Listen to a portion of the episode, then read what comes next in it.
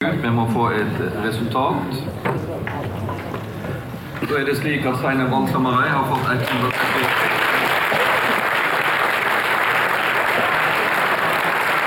Ja, nå er det under eh, et døgn siden dette øyeblikket.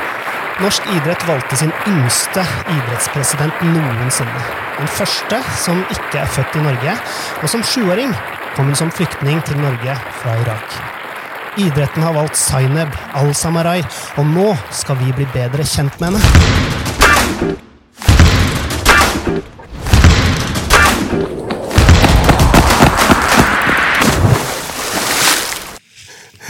Øh, Hvor mange klemmer har du fått nå, Zaineb? Eh, såpass mange klemmer at hvis ikke jeg får covid nå, så får jeg det aldri. Da får du det aldri. Ja. Du, vi var jo i salen eh, når det skjedde, holdt jeg på å si. Eh, og det vi kunne se, var jo en enorm eh, glede, og det kom noen tårer. ja, to ganger. Og flere ganger i løpet av eh, alle klemmingene jeg fikk ute. Det var en eh, fantastisk eh, og helt surrealistisk følelse. Det var en skikkelig utladning.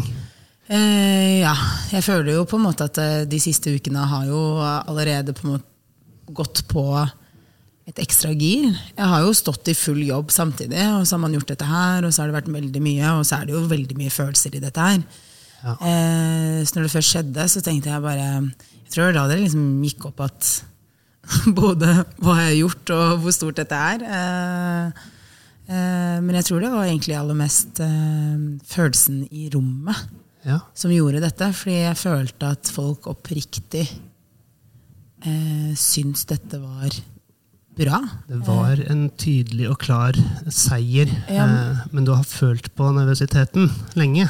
Ja, man vet jo aldri hvordan det går med valg. Vi hadde jo et valg i idretten for fire år siden hvor valgkomiteens innstilling, enstemmig innstilling da, eh, falt på, på eh, tinget med noen få stemmer. Så man visste jo aldri hvordan ting kunne snu. Så eh, jeg var jo spent, selv om folk var litt sånn ja, ja, men dette går veien og hadde lest avisen og sånne ting, så vet man jo aldri hvordan det går. Jeg har jo vært med på valgkamper før hvor man trodde det skulle gå veien, og så blir det en skikkelig dårlig måling. Det er ikke sant? ja. Men du er jo tidligere fotballspiller. Kan du liksom sammenligne det, eller? Var det som å vinne en konkurranse? Ja, altså det, det, på et vis, ja. eh, Men på en annet vis så var det liksom den der følelsen av å vinne med laget. Ja. For det er jo det som er kult når man eh, driver med idrett. Uavhengig av om det er en individuell idrett eller en lagidrett, så har jo alle et lag rundt seg. Og den følelsen at liksom Nå har vi endelig gått over eh, altså, målstreken, og mm. så var det deilig. Men det som er litt annerledes i dette her, da, er at eh, selv om det var en seier i går og man gikk over målstreken, så er det jo nå jobben begynner. Ja, det er nå, nå har du på en måte løpt maraton, og så, Ja. så er det først nå du står på startstreken. Det er egentlig det. Du vet hvordan det gikk med han som løp maraton. Du er mye sterkere enn han, regner jeg med. Enn han som løp maraton? Ja, ja, vet jo hva som skjedde. Nei, fortell. Nei, han døde jo. Han, eh, når han fortalte budskapet om, at, eh, om seieren, så, så kollapset han. Og så gjorde vi det til en idrett. Det er jo ganske imponerende, da. Du er Ja, tøffere da- enn det, jeg tror det. Ja. Men Nei, jeg har ikke dødd ennå. Har ikke tenkt å gjøre det med det første. idrettsutøvere har jo en drøm. Eh, å oppnå et mål. Er det å bli idrettspresident, det, er det en, noe du har drømt om? Nei, ikke i det hele tatt. Jeg, eh, tvert imot så drømte jeg om å kunne spille fotball og få lov til å spille fotball i noen flere år. Og drømmen var OL. Fordi fotballdamene får jo delta i OL, så det var drømmen. Det var drømmen. Ja. Um, altså I forkant av valget, du var litt inne på det, da, så, så ble det snakket eh, mye om at alle resultater er bra, uansett hvem som får lederplassen. Eh, at vi er én organisasjon, ett lag. eh, at vi ikke setter personer opp mot hverandre. Hva tenker du om det? Er, altså, er du litt redd for Altså en, en leder som kanskje blir sparka etter fire år. Har du tenkt på det? Det er altfor tidlig, kanskje. Om jeg blir det? Ja, altså det, det er stort Jeg sett sånn det går. Jeg syns det er veldig bra å spørre meg om det på dag én. Ja, ja men det, er- det, Du vet hva, jeg tar eh, nå eh, en dag om gangen. Og vet, du, det, det morsomme er at jeg har jo ikke Det er virkelig bokstavelig talt en dag om gangen, for jeg har jo ikke oversikt over kalenderen min engang. Eh, for det, jeg skal ha kalendermøte i morgen. Så da får jeg oversikt over alt eh, sammen og hvordan vi eh, skal jobbe fremover. Men eh, nei, jeg er ikke bekymret for det, men det er mest fordi jeg har ikke tenkt så langt. Nei, hvor skal du ha kontor? Eh, det vet jeg heller ikke ennå. Jeg skal- Det er også en del av samtalen vi skal ha i morgen. Men du har kanskje lyst til å være overalt? Er det viktig for deg å være der hvor aktiviteten skjer? Ja, Ikke, er, ba, ja, ikke bare i styrerom, liksom? nei, det er veldig viktig for meg å være der aktiviteten skjer. Og en ting er jo fordi jeg tror det er bra for norsk idrett at det de som sitter eh, på toppen og driver med idrettspolitikken, kjenner til hva som skjer på grasrota og tar tempen på organisasjonen vår. Men det er også bra for meg, fordi jeg elsker jo den energien jeg får av det. Eh, og det er utrolig motiverende. Så eh, jeg skal ikke bli noe kontorpresident. Nei. Det er lovende. Ja, for vi er et flott land med fjorder og daler og ja, 9500 idrettslag. Eh, Det er helt fantastisk. Eh, Hele landet vårt er jo helt fantastisk. Og så har vi jo eh, både idrettskretsene og særkretsene, og så har vi jo eh, særforbund som også har både presidenter og tillitsvalgte overalt, og idretter, ikke minst, overalt. Eh, og idrettsrådene våre som står på, så det å få lov til å reise rundt og se hvordan de jobber, og kunne også få direkte innspill på politikken vi trenger. Eh, fordi vi skal jo altså det, All idrettspolitikk vi utvikler, bør jo egentlig komme nedenfra. Og så tas det opp, og så eh, implementerer vi det heller ut i organisasjonen. Det er litt dumt hvis vi bare driver med idrettspolitikk på toppen og dytter det ned. Det tror jeg ikke vi er tjent med i lengden. nei. Det er litt uh, feil vei. Ja, det er jo det. fordi det er jo de som kjenner hvor skoen trykker, som bør jo egentlig eh, foreslå disse endringene da, vi trenger i, i idretten. Følge terrenget i fjorder og daler. Ja. ja, det er det vi skal gjøre. Eh, jeg tenkte liksom sånn, Kan vi ta eh, sju eh, kjappe spørsmål? Ja. Ja. Er det sånn ja- og nei-spørsmål? Ja, du må nei, bare vite må reglene kanskje- først. ja, nei. Du er, du er leken nå. Jeg, tror, jeg tenker at dette blir veldig, sånn, eh, veldig grei formalia. Ja. Eh, ja. Sivil status. Jeg er gift Hvor er du født? i Bagdad. Hvor sier du at du er oppvokst? Eh, på Holmlia. Ja. Har du et favorittband? Eh, ja, opptil flere. Ja? Få høre, da. Noen? Nei, altså, jeg, altså, jeg liker jo Bruce Springsteen, og jeg vil si at det er et band. Det er ikke én person. Det er viktig. Er du, nå ser jeg på deg, for jeg vet at Johan er er Bruce. Springsteen er en person, sist jeg sjekka. Nei, og men det er et bandet band. er i street band. Ja, Ja. så det er Åh, Men det er veldig fint. Detaljer. Ja, detaljer. Detaljer. Ja, men vi kan snakke om Bruce Springsteen. Ja, vi kan gjøre. Veldig mye. Bruce er Jeg liker Kings of eh, Leon, og så liker jeg eh, Band of Forces veldig godt også. Herlig. Mm. Har du en favorittfilm? Eh, ja, jeg liker Gladiatoren. Gladiator. Gladiator. Og så elsker jeg Gudfaren-filmene og Harry Potter. Det så er- veldig bra kontraster. Ja, det var jo skikkelig ja, Men alle er jo litt sånn Ja, men jeg har, altså, det er jo, dette her er jo voksenfilmer. Oppriktig så elsker jeg jo egentlig Jungelboken og Løvenes konge. Vi er på Disney. Ja, elsker Disney. Ja. herlig. Har du noe favorittmat? Eh, arabisk. Hva er det? Hva er et, en arabisk rett? Og det er en rett som smaker mye. Ikke sterkt. Folk tror det ofte smaker sterkt, men det er ikke det. Smaker mye, og det er supergodt. Det er ikke bare hummus og babaganuj. Det er ordentlig Mm. forskjellige typer ris og kobber. Og, ja. Ja. Eh, jeg tenkte sånn, Nå kan vi ta adjektivleken. For den, Ok. eh, ja. Beskriv deg selv med tre verdiord. Jeg er eh, åpen. Eh, Ja. Og så er jeg inkluderende. Mm. Eh, og direkte. Åpen, inkluderende og direkte. Eh, la oss ta åpen, da. Hvordan, hvordan er du god på det, tror du? Nei, jeg liker at man er eh, åpen og forteller sannheten og egentlig eh, har eh, ryggen sin fri alltid. det er fint å passe på det. ja. Og så er jeg åpen for eh, nye forslag og nye impulser, og jeg er åpen for at folk har forskjellige meninger enn meg. Eh, og det tror jeg er en viktig styrke i den jobben jeg har påtatt meg. Mm. Og inkluderende, altså hvordan eh, bruker du det, den verdien, i hverdagen? Jeg er opptatt av at uh, folk skal med, og jeg tror at uh, det er viktig nå når man er i et styre, at alle føler at de er inkludert, og at de får oppgaver, og at de eh, får også brukt seg selv og sine kunnskaper og, inn i arbeidet. Da. Er Jeg liker når det er god stemning. Jeg er veldig opptatt av at det skal være god stemning. ja. Ja.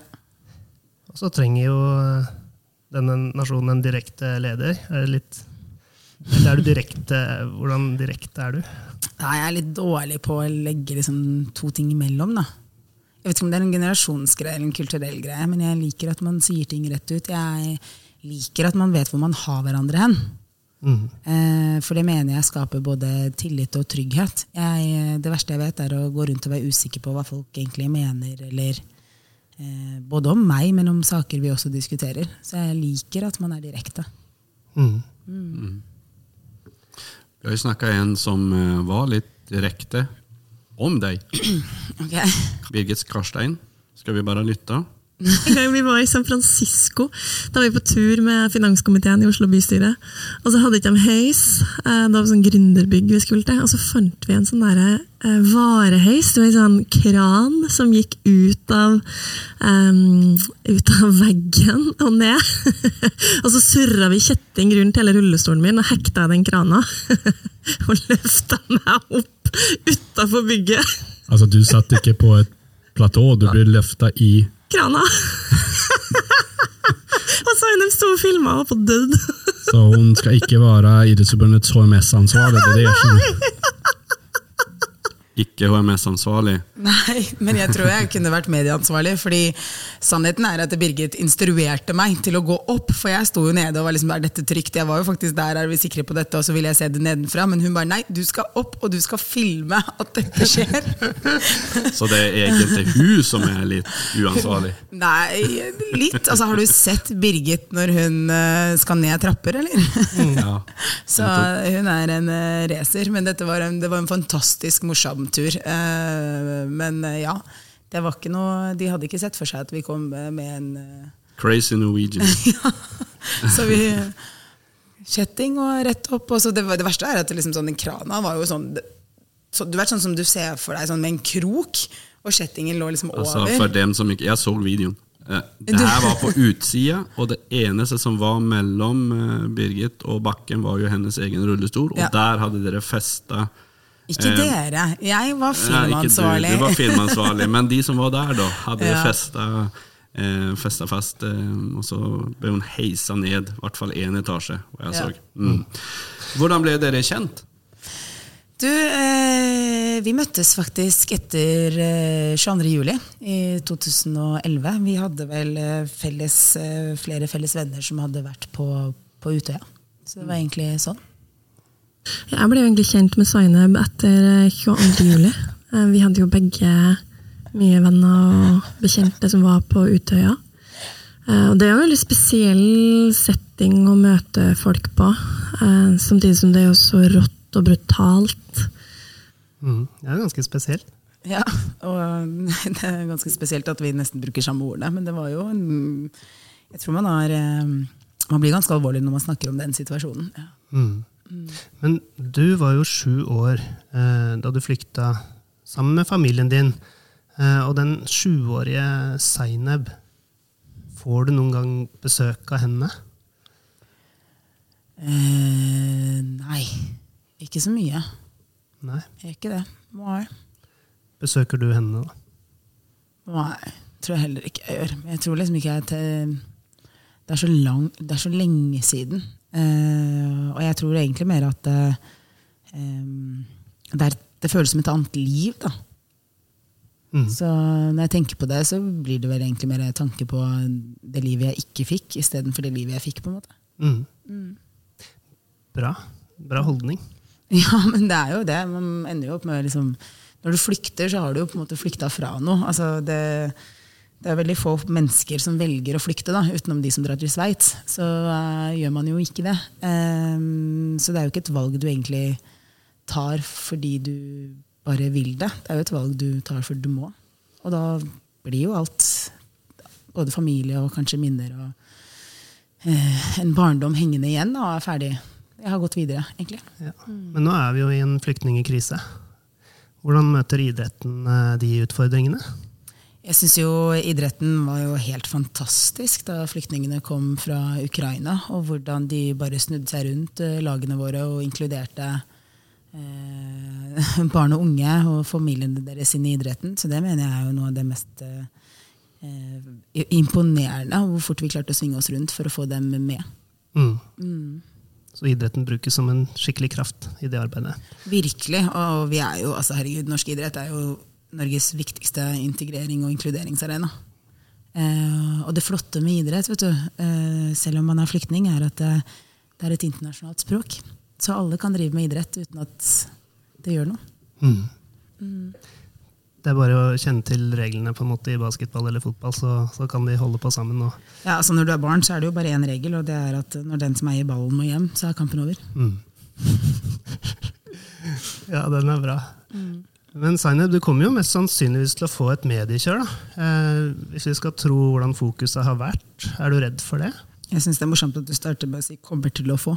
Ja, det har jo vært en del. ja da. Eh, ja da, jeg er jo klar for det. Og så lenge vi kan eh, få lov til å begynne å snakke litt om både idrettspolitikk og det fantastiske som skjer i idretten, og, eh, og de tingene der, så blir det fint. Og jeg håper jo at det fremover blir litt mindre personfokus på meg. Jeg må jo si at jeg er både lei min egen stemme og mitt eget ansikt for tiden. Jeg føler ikke at jeg gjør noe annet. når jeg ser bilder av meg selv og hører meg snakke. Så det er veldig fint at vi kan få fokus på det som egentlig betyr noe. Og det er de der ute. Det er liksom, jeg er bare en brikke i dette her, jeg. Ja, Hva har du lyst til å snakke om? da? Altså, Tinget vedtok jo eh, tiltak mot økonomi som barriere. Jeg vet at det ligger ganske langt framme i, i din eh, prioriteringsliste. Og så er det jo idrettsstyret sin oppgave å initiere arbeidet. Har du noen tanker rundt det? Ja, altså nå fikk vi jo en ganske det- altså vi en bestilling fra, fra tinget på økonomi som barriere. Eh, men det var jo allerede noe idrettsstyret alle valgte å, ville valgt å prioritere. Jeg syns forslaget var jo ganske interessant pga. flere ting. Og det som jeg kanskje bet meg mest merke i, var at selv kontrollkomiteen hadde skrevet en kommentar til forslaget hvor de mente at idrettsstyret skulle prioritere dette høyt i neste periode. Så det viser jo at det er ikke bare viktig for meg, det er jo viktig for hele idretten. Og det handler jo kanskje fordi man vet nå at det er jo ikke bare et lite problem, det er jo et stort Det er jo en av våre eh, For å si det sånn, det er jo et, et problem hvor eh, det nå også er mannen i gata som kjenner på dette. Så det er jo vår tids, en av vår tids største utfordringer i norsk idrett. Men det er også et samfunnsproblem. Eh, så måten vi skal løse det på, må vi jo også gjøre med samfunnet. Og jeg tror det som er litt sånn utfordrende med økonomi som barriere, for det er alltid sånn derre ja, men dere kommer jo ikke med noen konkrete tiltak, og dere gjør ikke dette og sånn. Men det som er greia med økonomi som barriere, er det er ikke en, det er ikke en stor rød knapp du kan trykke på, og så er det ett tiltak, eller Eh, og så blir alt borte. Det er mange mange små røde knapper vi må trykke på for å finne ut av dette. Eh, og vi har jo flere tiltak vi både har sett på og foreslått, og det skjer jo allerede mye. Du har jo Oslo som jobber med nabolagsklubber, det er også for å forhindre økonomi som barriere. Eh, du har Aktivitetsguidene bidrar jo også på et vis til det, de som er der ute, og som starta i Tromsø eh, i sin tid. Det at vi ser på barrierer som vi selv er med eh, og tilføyer idretten. Eh, så, så, det er ikke sånn at vi ikke jobber med det. Problemet er at vi har ikke funnet nok tiltak som løser det nå. og det kommer vi ikke til å klare å gjøre alene. Så vi må jo sette oss ned med politikerne og finne en løsning på dette samfunnsproblemet. For det er litt viktig å huske på. At det er det det er. Mm. Hører at du brenner for dette her. Ja, og så syns jeg jo det er ganske frustrerende, da, for jeg skulle ønske at det var en stor rød knapp man kunne trykke på. Eh, men det er det ikke. Så det er liksom, vi må kartlegge. Nå har vi jo fått en ganske eh, tydelig bestilling fra, fra tinget på hvordan de også ønsker at vi skal jobbe med dette. Men så er det det der og konkrete Bestillingen var jo også å ha flere konkrete tiltak. Det er jo det de etterlyser fra oss i idrettsstyret, ikke bare meg. Men de etterlyser det fra idretten, at vi skal se på konkrete tiltak vi kan gjøre. Og det er jo rett og slett for at vi også må gjennomgå oss selv. Mm. Du, vi har tatt en uh, prat med mannen din, Jan Erik. Han er jo er utrolig stolt, naturligvis, og sier at det som kjennetegner deg, er tre ting. Du er smart, du er en eh, menneskekjenner, og så har du masse humor. Ja. Kjenner du deg igjen med det? Hvordan, hvordan er, er det det å å si ja, altså er det lov å si ja til de to siste og ikke det første? For da virker man ikke så innmari ydmyk. Vi kan jo høre hva mannen din sier. Det er jo en del sånn av den kulturelle skolesekken, skal vi si det, som på en måte har gått henne hus, eh, hus forbi. Så det er en del sånne eh, greier som ikke sier henne noe. Så jeg, eh, hun hadde det veldig morsomt, da, fordi hun, eh, det var et idrettsstyremøte, og så var det noen som hadde sagt til en eller annen altså, ikke vær så tante Sofie. Og hun, hun ante ikke Var det noen som hadde noen tante Sofie, eller noe sånt, så da måtte vi finne frem Kardemommeby-boka, og- sånn at hun fikk lest seg opp på, på tante Sofie. Og hun syntes jo tante Sofie var en jævlig kul eh, dame. Tante Sofie, altså, altså trenger idretten en tante Sofie? da? En som kan dra idretten opp etter øra og rydde opp litt? Absolutt, vi trenger flere tante Sofier. Tante Sofie er den kuleste karakteren i hele Kardemommeby. Ja, det er Ja. det. Og nå har jo idretten røva en eh, tante Sofie, da. Den kulturelle skolesekken eh, Trodde du det var en sekk du tok på med full av kultur, kanskje? Eller, altså jeg har en svigermor som var eh, med på å starte den nasjonalt. Ja. Eh, og jeg ba henne eh, om et par utfordringer til deg. Ja. En miniquiz. Okay. Er du klar? Kanskje. Da blir det sånn at vi etterpå definerer at jeg kanskje ikke er smart, så vi er spent nå. Vet Du hva, Jeg tror dette skal gå ganske bra, men jeg er veldig spent. Du er har leken, sånn og du har jo ja. konkurranseinstinkt. Kom igjen da, nå skal vi klare det. Eh, så, og Johan, du er jo ikke født i Norge du heller, så dette blir jo på en måte en quiz til deg også, da. Men eh, Men hvis det er en konkurranse, så skal jeg vinne den. ja, ok, vi kan godt gjøre det sånn annenhver Ok, skal vi gjøre en konkurranse? Okay. Da begynner jeg med Zainab, da. Ja. Fullfør setningen. Kasper, Jesper og Jonathan. Veldig bra. Eh, Johan, den som intet våger Intet vinner. Bra. Det der er juks! Hallo! Og Zainab, det viktigste er ikke å vinne, men Å delta. Hva sier du, Johan, til det? Eh, Jeg trodde det var å vinne. Ja. Men, ja. det er ja. jo Men det var jo ditt svar, da. Og det er det Jeg, som er jeg har også ansvar for breddeidrett. Oh, ja, sånn. Ja, Ja. så husk det. Ja. Men Johan, det er i motbakke det går. Oppover. Ja. Og eh, den er jo litt interessant da for deg, Zaineb. Eh, jo flere kokker, jo mer Søl. Ja. er det, du er enig i det? Ja. Johan? Ja. Og hvilken farge var det på Napoleons hvite hest? Den går til Zaineb. Zainab. Må jo ha vært hvit, da. jeg er så glad du svarte det. Oh, der viste du faktisk at du var smart. Eh, du tar den sånn Ja, det er helt ute. Helt ute. Eh, og du har bestått denne kulturelle skolesekktesten. eh, Ja. Men han har rett i det. Det er masse ting. Jeg hadde jo det samme med, med Det fortalte jeg jo da jeg var på podka- en annen podkast, det med Johan Olav Kaas. Jeg visste jo ikke hvem han var. Jeg visste ikke at han var en nasjonalskatt. for å si det sånn. Nei. Ja, der kan du se. Ja.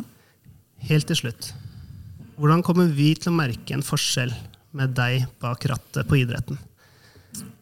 Eh, dere kommer til å merke at eh, vi har fått en fremoverlent, moderne eh, leder som har lyst til å være nærmere de vi skal være til for, og som hver dag vil eh, jobbe for at eh, norsk idrett skal bli enda bedre, og at flere skal bli inkludert i idretten vår.